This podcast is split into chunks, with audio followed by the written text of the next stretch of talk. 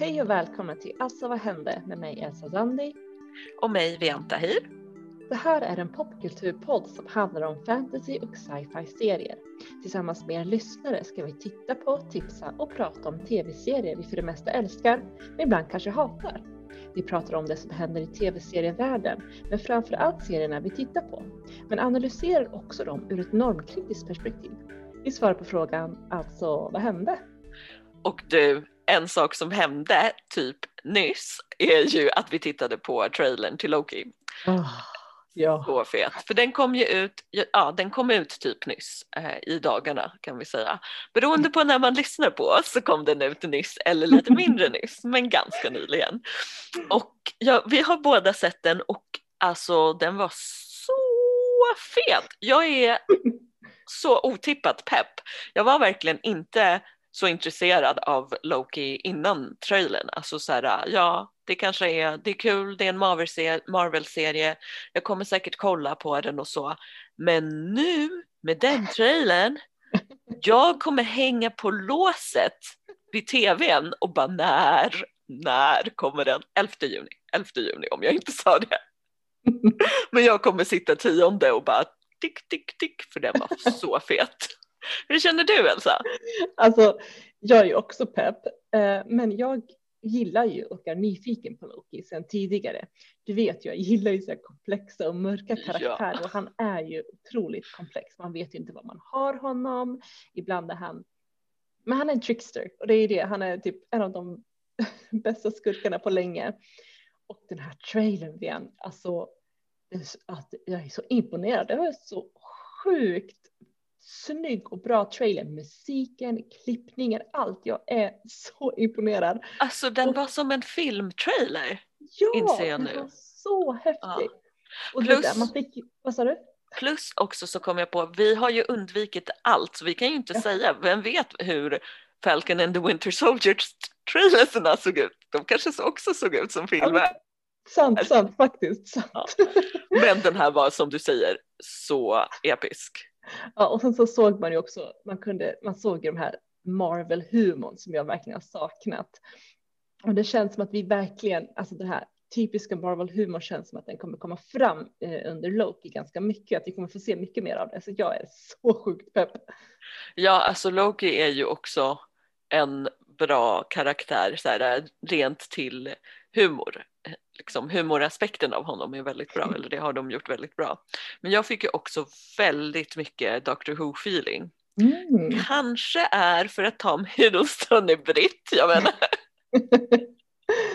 Nej, men förutom det så är det ju ganska uppenbart att det när det är så tidsresor, tidsvariabler, tidslinjer och så, mm. då är det ju klart att man tänker på Doctor Who.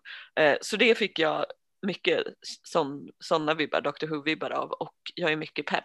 Jag är ju generellt när det gäller sci-fi, det kanske du vet, så är mm. min favorit specialkoncept är ju tidsresor. Alltså älskar tidsresor, så det är också en av anledningarna till att jag blev pepp, förutom trailern. Men det roliga här tycker jag är det här med som alla tyckte var ett sånt plot hole i Endgame när Loki snodde Tesseracten och så här, alla kom ut ur bi biograferna och bara, men hallå, vad hände här? Eh, och så var det 100% planerat för den här serien, så det var kul ja. tycker jag. Oh ja, det här är så sjukt smart och snyggt planterat. Eh, och jag ska vara ärlig, jag har verkligen längtat efter den här ända sedan Endgame, efter den här scenen alltså. Och nu ska vi äntligen få följa med när Loki skapar kaos. Ja, det är så, så dålig idé att ha med honom i en sån time bureau. De kommer få äta upp det där. Men just nu så tittar vi på Falcon and the Winter Soldier, Lovecraft Country och Star Trek Discovery. Och ops, spoilervarning, superspoilervarning på alla. Vi har ju precis kollat på avsnitt fyra av Falcon and the Winter Soldier. Okej, okay, Bian. Alltså, vad hände? Så mycket hände Elsa. Så vi måste bara, jag hoppar rakt in på vår recap. Det sista vi såg i förra avsnittet var att eh, Bucky träffade Io och hon och Dora Milaje hade kommit för Zemo som ju hade dödat King T'Chaka under eh, T'Chaka i UN under Captain America Civil War. Så de är där för att de vill ha Zemo. Fullt rimligt.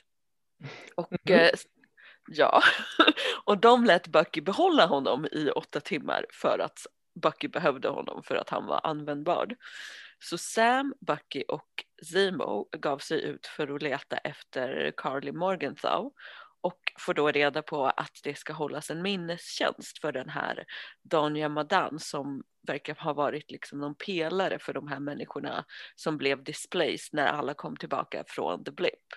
Och sen på begravningen där så dyker ju självklart Walmart Cap upp tillsammans med Battlestar och de sätter handbojor på Zemo och vill liksom indirekt Eh, alltså bara storma in.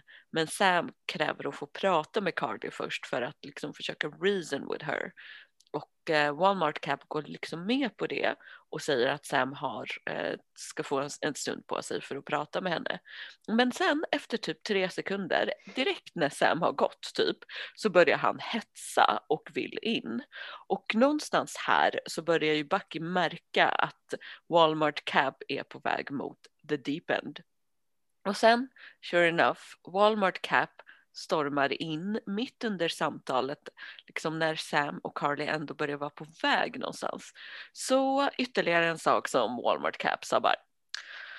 Sen då flyr Carly, men Zimo han kommer ju ut ur handbojorna för att man kan inte lita på honom och lämna honom ensam någonstans och liksom kommer ikapp henne och skjuter henne och då lämnas de här uh, provrören med superserumet kvar och Zimo liksom stampar på och förstör alla, tror vi. Men när alla då har gått och han och Walmart Cap är ensam kvar så ser han en sån vial som Zimo missade, plockar upp den och sätter den i fickan utan att berätta för någon annan. Du, du, du.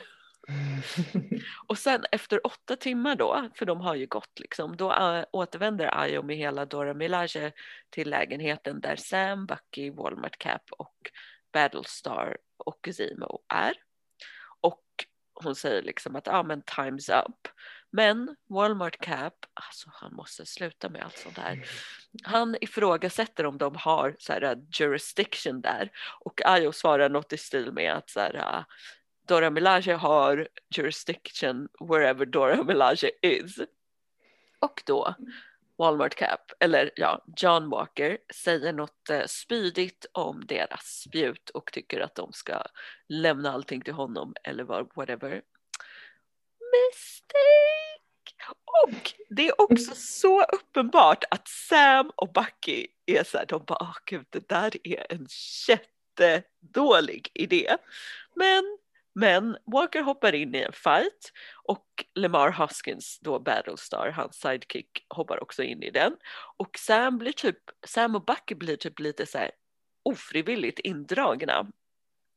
Och sen så spöar såklart obviously Dora Milaje som väntat allihopa och, eh, och har någon slags secret, eh, såg du det? Att de har någon slags secret move så de kan ta av Buckys arm. Det var coolt tycker jag. Just det. De bara, du må ha armen, but. Men ja, och då tar de ju, då har de liksom i fighten lyckats ta ifrån eh, Walker skölden. Eh, men Ayo säger så här till sin eh, med eh, alltså någon, någon i Dora Milaje som har plockat upp den, att de kan lämna kvar den. Och det är så här lite, alltså technically så är den ju eh, deras, alltså den är Wakandas eftersom den är gjord av Vibranium, snott och eh, smugglat för, från Wakanda. Men det är så här ytterligare ett tillfälle som Walker får behålla den. Mistake, igen. Mm -hmm. Men sen så liksom blir Walker, Walmart Cap, upprörd. Man ser det, han blir så märkbart upprörd över att ha blivit spöad och muttrar något om att så här, ja, men de är inte ens super soldiers. Så han, alltså, han tycker att det är, han stör sig på det här. Och så kommer vi till varför sen. Mm. Ehm, men efter fighten så ringer Carly och hotar Sam genom att berätta att hon vet exakt vem och exakt var Sams syster och hans brorsöner är. Och hon vill träffas och hon vill att Sam ska come alone som, som de alltid vill, skurkarna. Men eftersom han och Bucky nu blivit ett set uppenbarligen så följer Bucky med. Han bara nej men jag, jag följer med, det är ingen diskussion här. Eh, och så följer ju då Walker och Hoskins efter dem igen. Och stör situationen igen. Och ännu en fight uppstår och mitt i den så dödas eh, Hoskins, Lamar Hoskins, Walkers eh, vän och sidekick. Och då flippar ju Walker ur. Vilket ändå liksom, alltså det är väl förståeligt i en sån situation. Mm. Men vad han gör sen är ju fortfarande helt fel. Någonstans under fighten så tar Walmart Cap serumet och blir superstark. Men eftersom serumet som, som vi har fått höra i tidigare filmer, bland annat första Captain America och också som Zimo pratar om, eftersom det liksom någonstans förstärker drag så förstärker det hans mer mörka sida. Så när alla flag smashers flyr så följer han efter en utav dem kommer ikapp honom mitt på ett torg där det är massa folk och massa mobiler och mobilkameror. Och där övermannar han den här flag smashers och så börjar han slå honom med skölden, alltså och inte med skölden platt utan med skölden vast eller vad man ska säga, vilket är en viktig detalj här. Så mm. han börjar slå honom liksom med sköldkanten och slår ihjäl honom. Och det sista vi får se är liksom den här utzoomningen där Walker reser på sig och det är blod på skölden. Uh, ja, blod på skölden, alltså slutet var sjukt uh, svår att titta på. Jag får bara ont i magen uh, bara jag tänker på det. Men Vian, jag känner att du har något på hjärtat. Ja, alltså jag har så mycket på hjärtat efter den här, det här avsnittet och mm. skölden specifikt. First off, how dare he få blod på vår sköld, Elsa? Mm -hmm. How dare he på vår sköld? Nej, alltså det här var så brutalt att se, både hur han liksom slog den här eh, flag smasher som är då Nico, som är, är inte Nico typ också eh, Carlys högra hand? Ja, han är typ ja. en av hennes närmaste. Ja, precis. Och det var så, så, så brutalt att se hur han slog Nico till döds med skölden, men också att se blod på den. Jag menar, skölden, ja. ja, eller hur? För skölden representerar ju så mycket godhet och rättvisa, and all that jazz. Och att sedan bli använd på det här sättet känns som ett, jag vet inte, övertramp. Det kändes bara smutsigt. Och det var Verkligen. Ju, Smutsigt ja. är det perfekta ordet känner jag att beskriva det. Alltså, eller hur? Men det var ju också det här, jag vet inte om du tänkte på det, men det var ju också Nico som tidigare var med Carly på kyrkogården och berättade att han var ett stort fan av Captain America när han var liten, att han såg upp till honom. Jag vet inte, sedan alltså jag vet inte, tänk dig ligga där och få se sin forna hjälte stå över honom och slå och bara slå. Ja, det var fan brutalt på, på en helt annan nivå. Alltså, ja, den alltså när du pekade ut det för mig så blev det liksom ytterligare ett lager av brutalt. Och mm. det här är liksom inte den enda och liksom på ett hemskt sätt lite vridna callbacken till Steve. Alltså en uppenbar callback eller så jämförelse eller vad man ska säga är ju den här superhjälteposen som Walker har. Alltså den här klassiska Captain America posen som vi har sett, alltså vi har sett actual real caps stå där och mm. eh, se ut så i en massa filmer. Men det har ju verkligen aldrig varit blod på skölden. Tittar man tillbaka så har vi ju egentligen aldrig sett Cap döda någon outright på det här sättet. Det finns såklart en så här massa namnlösa skurkstatister som exploderar i periferin eller vad man ska säga. Men ingen i en sån konfrontation på det sättet. Alltså tekniskt sett så dödade de fan inte ens Thanos egentligen. Nej, Nej det gjorde de fan inte. Nej, så det här är nog det mest brutala någon, de, någon gjort någonting någonsin liksom i alla Avengers-filmer som inte är en outright uttalad bad guy. Liksom. Mm. Och sen om du kommer ihåg hur han höll skölden innan han slog Nico eller liksom hela den estetiken på något sätt så kanske den imagen påminner dig om någon annan film? Mm, Civil War kanske ja. Ja, exakt. För när Captain America, alltså Steve Rogers och eh, Tony Stark, Iron Man, har sin slutfight i den filmen så lyfter han ju skölden på exakt samma sätt som Walmart Cap gör där. Och då värjer Tony sig liksom vid huvudet, ansiktet, alltså den delen av kroppen. För att Tony Stark, han tror att Steve skulle liksom, ja well, halshugga honom. För det, mm. alltså det är lite så här skillnaden på de två som visades i Civil War också, att Tony tror att Steve skulle göra en sån sak, men Alltså det gör han ju inte för Steve would never. Utan han slår istället sönder så här, Tonys arc reactor för att göra så att, uh, så att uh, Tonys uh, liksom, direkt inte funkar. För uh, he would never ever mm. do that. Och den parallellen tycker jag också är så här, ännu en sak som är så talande för skillnaden på en real Captain America och en knock-off Captain America från Walmart eller kanske någon slags gun Walmart numera. Alltså nu är ju hans redemption arc shot to hell. Nu på riktigt så kan han inte göra något annat än att dö faktiskt. Alltså jag skrattar men jag vill egentligen gråta. för, för, nu, för nu har ju allting förändrats. Jag menar både för Walmart Cap men också för världen tror jag. Vi har ju sett hur Walker, eller John Walker då, blivit allt mer dystrare och, ifråga, och ifrågasätter sig själv under de här fyra avsnitten nu. Ja, ja, och minns du det här med vad Zemo sa om superserumet och att det hade ett så otroligt dåligt track record för att alla blev, alltså så här, han pratar mycket om supremacists, att alla, att det på något sätt ingår i superserumet och att alla så här went dark som Walker gör. Mm. Och då tog ju Sam upp Steve som ett gott exempel och då sa Zemo det här med så här, but is there another Steve Rogers? Och den kommentaren tycker jag säger liksom egentligen allt. Det krävs en viss typ av person för att bli en god super soldier.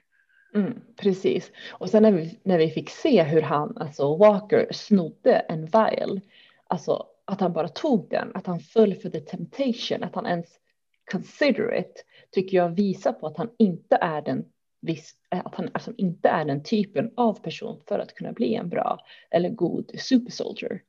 Ja, alltså vi visste ju att det skulle komma. Avsnittet pushade ju mot det. Men ändå när han tog den så, alltså, så lackade jag. Och du har, du har helt rätt i att han inte är rätt person att det, och att det börjar där när han ens tog den. Men sen så blev det ju uppenbart att eh, förutom att ta själva, alltså ta den här vial och behålla den för sig själv så push, alltså så tog han ju actually mm. själva serumet. Det var inte någonstans under den här fighten så tog han serumet eh, och blev en super soldier och dödade en person. Så absolut att han inte var rätt person som du säger. Och jag tror att en av de sakerna som liksom pushade mot det eller hintade mot det här som du säger att han liksom inte ja, men att han ifrågasatte sig själv. Det, var ju, det är ju hans reaktion efter fighten mot eh, Dora Milaje. Mm, ja, ja, ja, låt oss prata om fighten mot Dora Milaje, för det var en mäktig scen på så många sätt. Eh, först så, alltså de här, de här, de kan fightas och de kan fightas snyggt. det var liksom en fröjd att se. Det var som en fantastisk dansuppvisning, typ snyggt koreograferat. Jag ser det som en dans, liksom, hur de var synkade, hur de liksom, det, såg så effortless ut och det var så snyggt. var det snyggare än koreografin där vi så, i Madripoor där Winter Soldier slogs? Ja, definitivt. Helt klart. För en annan sak som var så bra med det här, den här fighten, så var det att de verkligen spelade upp Walmart Cap och Lamar. Eh, de fick ner grabbarna lite på jorden för att det var, alltså jag tycker att det var ett tag där de var verkligen uppe i skyn när de här två trodde att de var oövervinnliga, att de hade rätt till en massa saker och ett rätt till att ta vissa beslut.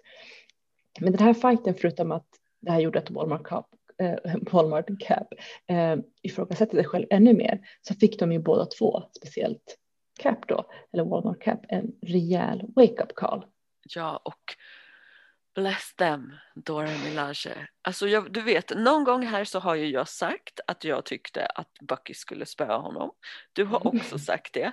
Men det här var ännu bättre och ännu mer tillfredsställande tycker jag. Alltså det var en sån mycket level up av tillfredsställelse än om det hade varit Bucky.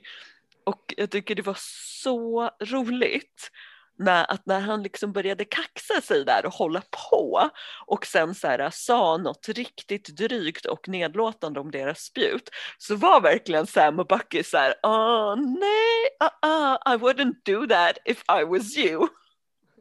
And he shouldn't have, obviously. Och den mm. scenen som, som sagt, alltså den, där är det ju också någonting som var så talande i hans resa eller ja, hans resa to the dark side och liksom talande i att han ser ner på, så här, på de här Dora Milaje då, dels på grund av att de är kvinnor och dels på grund av att de är svarta. För när han fäller den här kommentaren och typ fnyser åt deras spjut för att han tycker det är primitivt eller ociviliserat eller whatever. Mm. Så det blir liksom den här kombinationen av kvinnohat och rasism. Alltså hela hans beteende var osade av att han såg ner på dem liksom. Och då kunde han ju verkligen, verkligen inte hantera att han fick stryk av dem sen. Mm. Jag tolkar det som att han såg ner på kvinnor allmänt. Eh, du vet att kvinnor är det svaga könet, att kvinnor har rås och är prinsessor eller hör hemma i köket. Alltså att han hade den mentaliteten. Jag fick, liksom, jag, vet inte, jag fick den viben när han talade sådär till Dora Milare. Ja, ja, absolut att han tänker så. Absolut att det här som du säger, mm. att han ser ner på kvinnor i allmänhet. Liksom.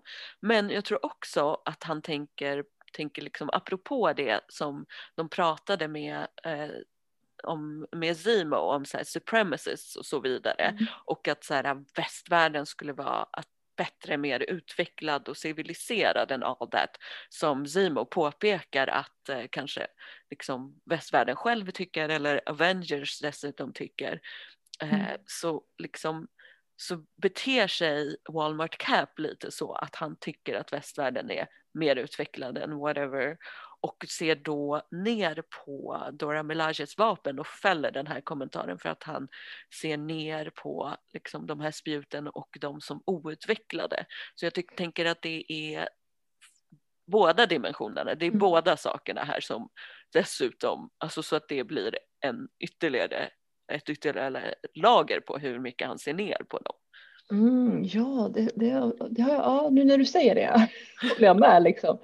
Men jag, jag, tänkte typ så här, ja men kvinnor, men nu när du säger det, att ja, han sa, det här med spjuten är ju, är ju det som är, eh, den kommentaren om spjuten är ju anmärkningsvärt, har du rätt i. Ja. Men en annan sak som hände i den här fighten, vi måste ta det här, för måste bara, det var ju Zimo. hala jäveln. Han tog ju chansen och rymde. Så ingen vet ju var han är någonstans. Han rymde. Ja, alltså det var verkligen, det var ju verkligen noll otippat att han skulle mm. passa på, på där.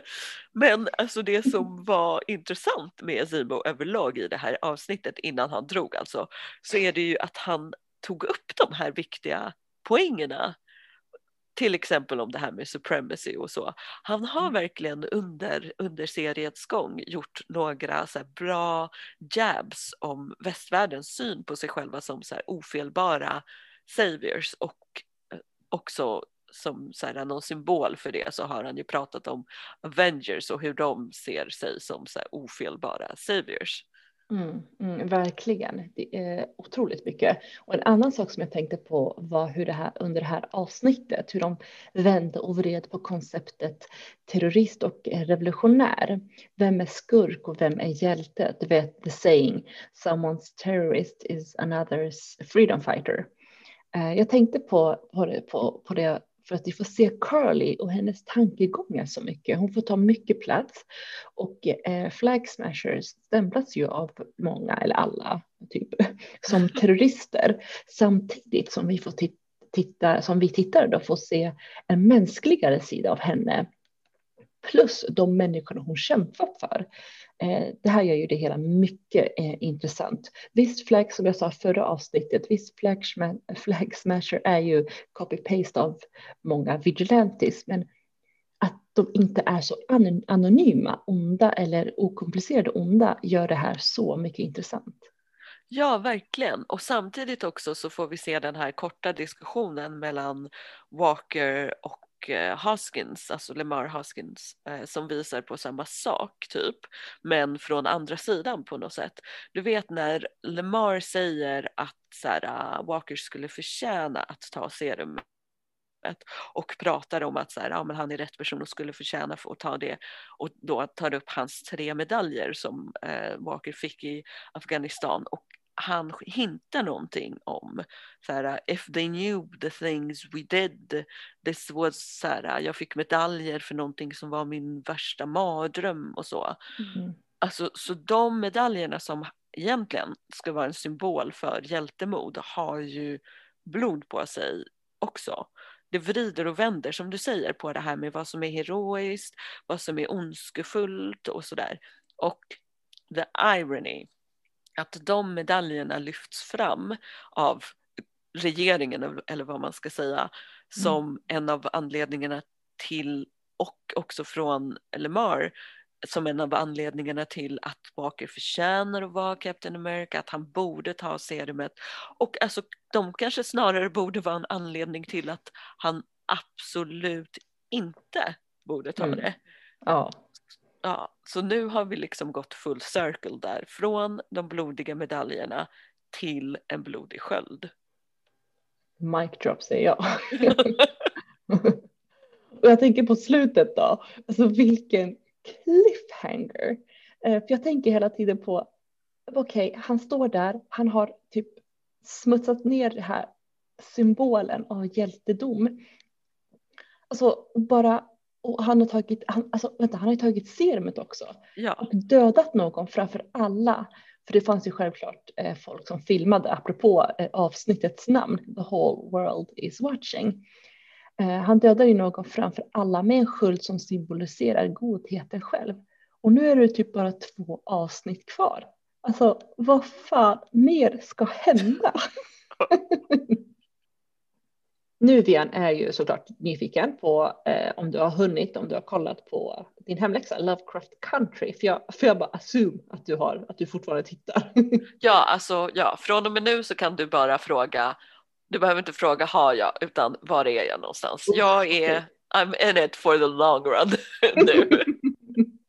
Men jag har bara hunnit kolla på avsnitt fyra även fast den här keep playing-knappen har lockat mig väldigt mycket eh, så har jag bara kommit till avsnitt fyra eh, och det är ju om jag ska eh, påminna dig lite om kanske så vill de åka till, de vill hitta någon slags secret vault med magiska texter. Ett magiskt valv med magiska texter är vad de vill hitta. Och det är för att den här white chick som fortfarande håller på med saker, alltså hon håller fortfarande på med grejer. Ja, hon har ju då, eh, ja, hon har ju då fortsatt förfölja dem lite och ha sig, knackade på hos Letty och de hade som tur är någon slags magisk barriär så hon inte kom in. Men så de vill, vill, ha någon slags motvapen och det är de här ancient scrolls som ska ha trollformler så att de kan skydda sig.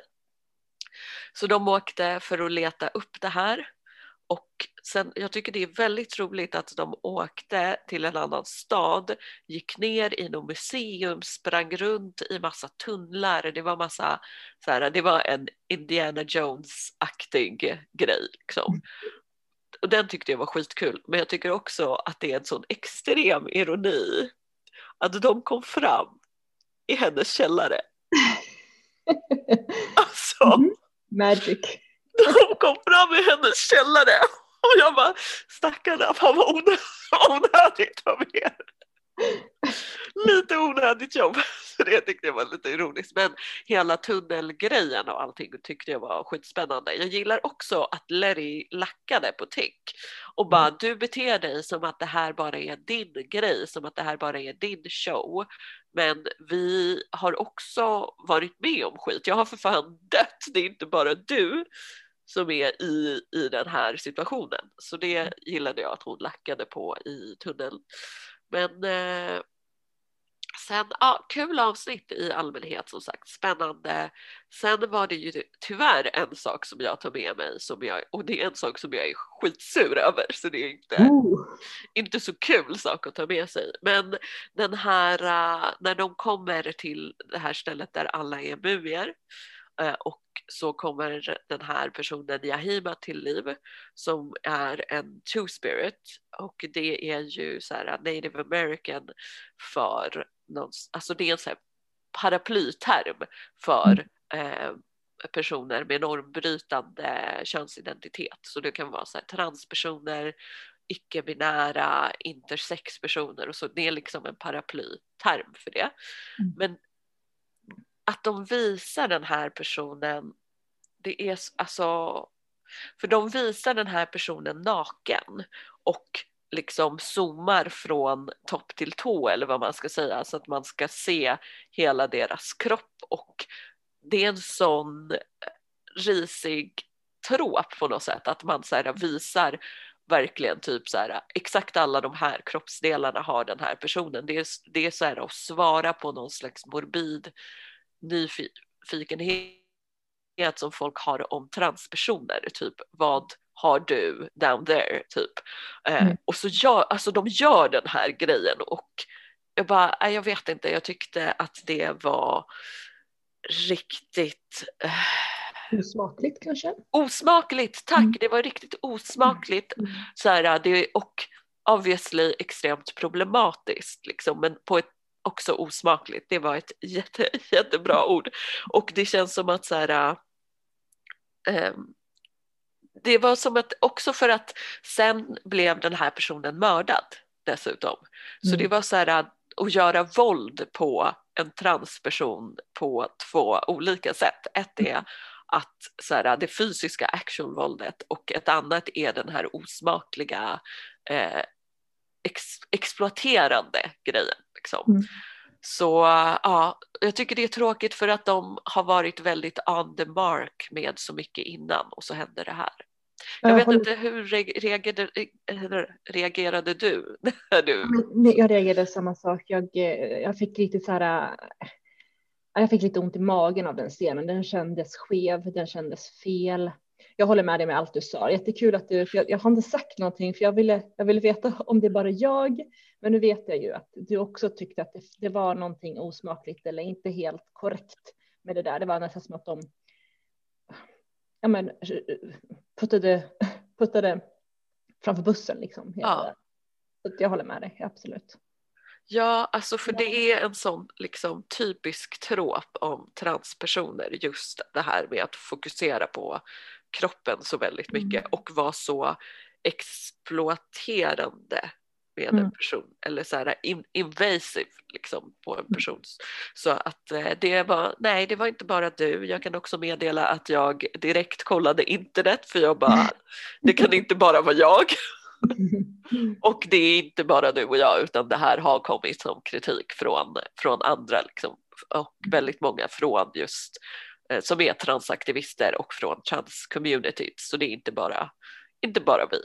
Mm, eh, och det, ja, och det, ja, det är lite bra på något sätt att det är fler som noterar. Det är skittråkigt att transcommunityt däremot ska behöva eh, de har ju tillräckligt många gånger behövt säga att det här inte är okej så det är tråkigt att de ska behöva göra det i också den här serien. Men mm. vad ska man säga, även solen har sina fläckar och som du, som du brukar säga i introt så är det ju serier vi för det mesta älskar men ibland kanske hatar och det här det här var kanske hata-biten. Mm. Eh, minus, de ligger lite, lite, lite, lite på minus nu. Exakt, lite, lite, men jag kommer fortsätta titta. Jag tycker att Tick och Lettys eh, relation är svajig, typ jag vet inte vad jag tycker om den. Jag börjar bli lite så här, är ni för damaged för att vara ihop? Men jag vill fortfarande veta vad som händer där.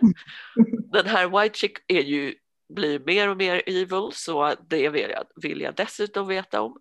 Och sen den här snubben, the white dude, mm. som på något sätt är hennes henchman eller jag vet inte.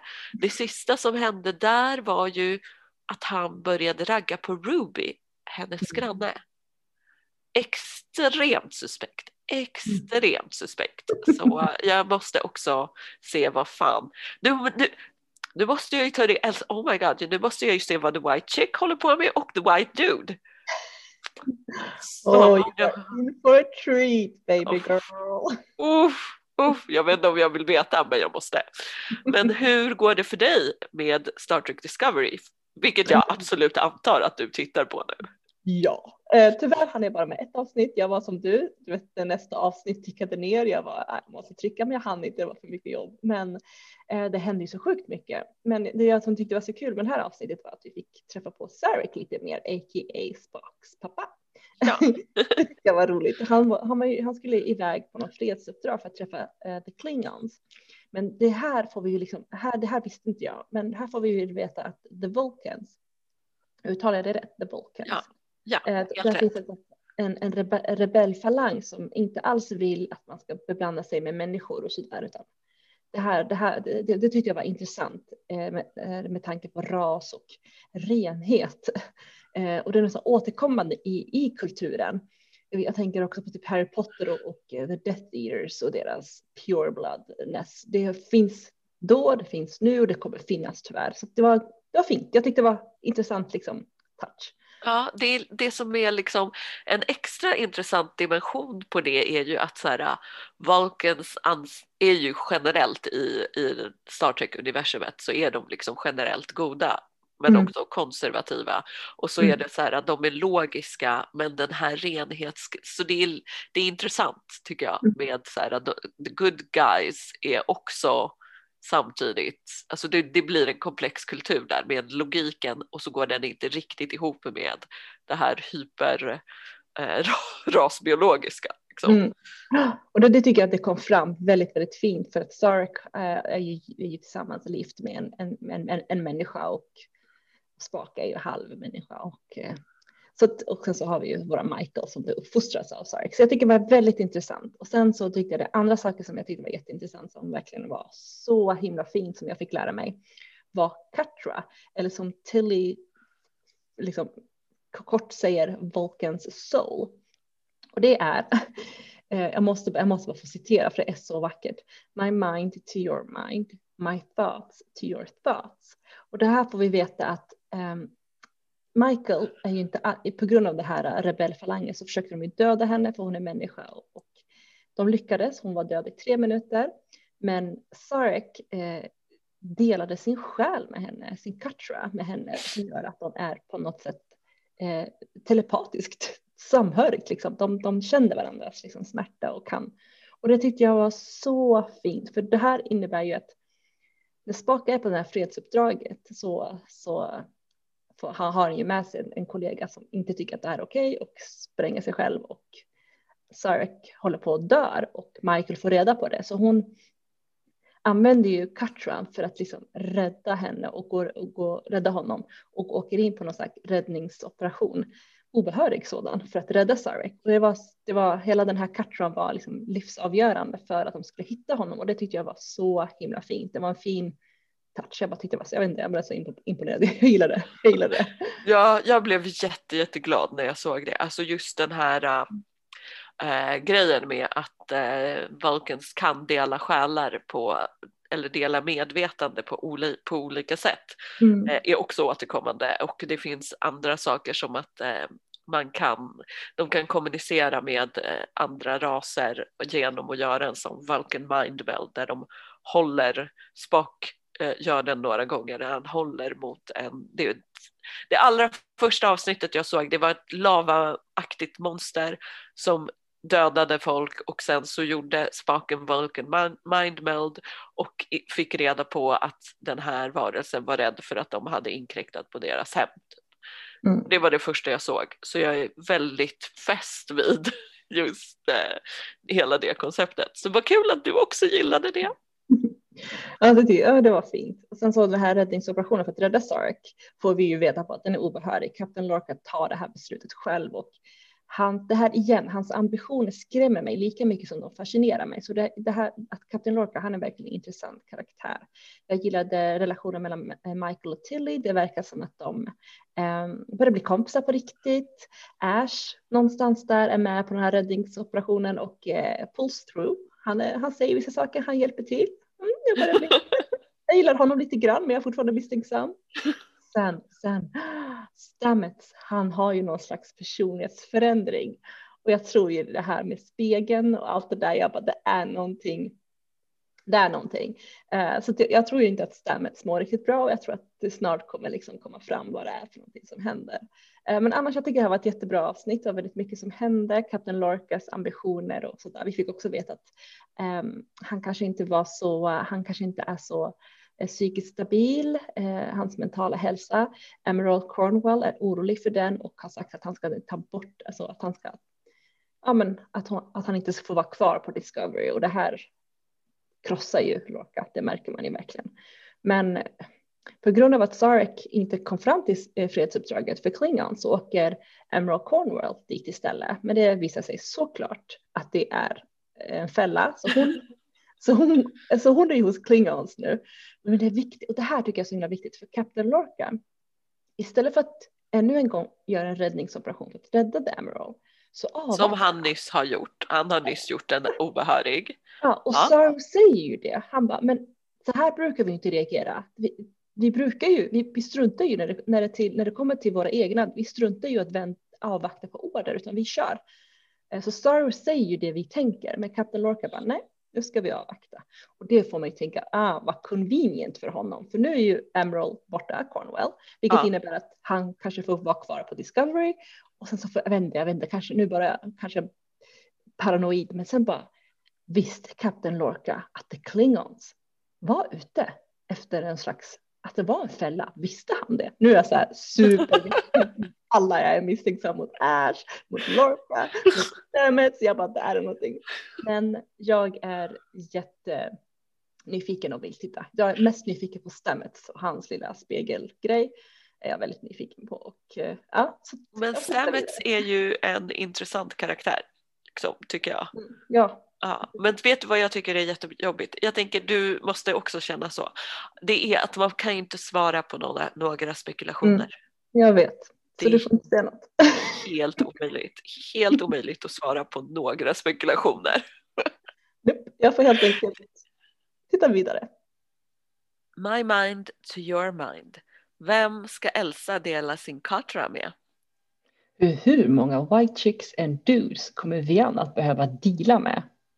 Och kommer vi kunna se skölden på samma sätt efter det här? Hur känner ni efter det senaste avsnittet av Falcon and the Winter Soldier? Hör gärna av er på Instagram, Facebook och Twitter där vi självklart heter att Alltså vad hände? Du har lyssnat på Alltså vad hände med mig Elsa Zandi och mig Bianta Hyr. Vi hörs nästa tisdag när vi pratar vidare om Falcon and the Winter Soldier, Lovecraft Country och Star Trek Discovery.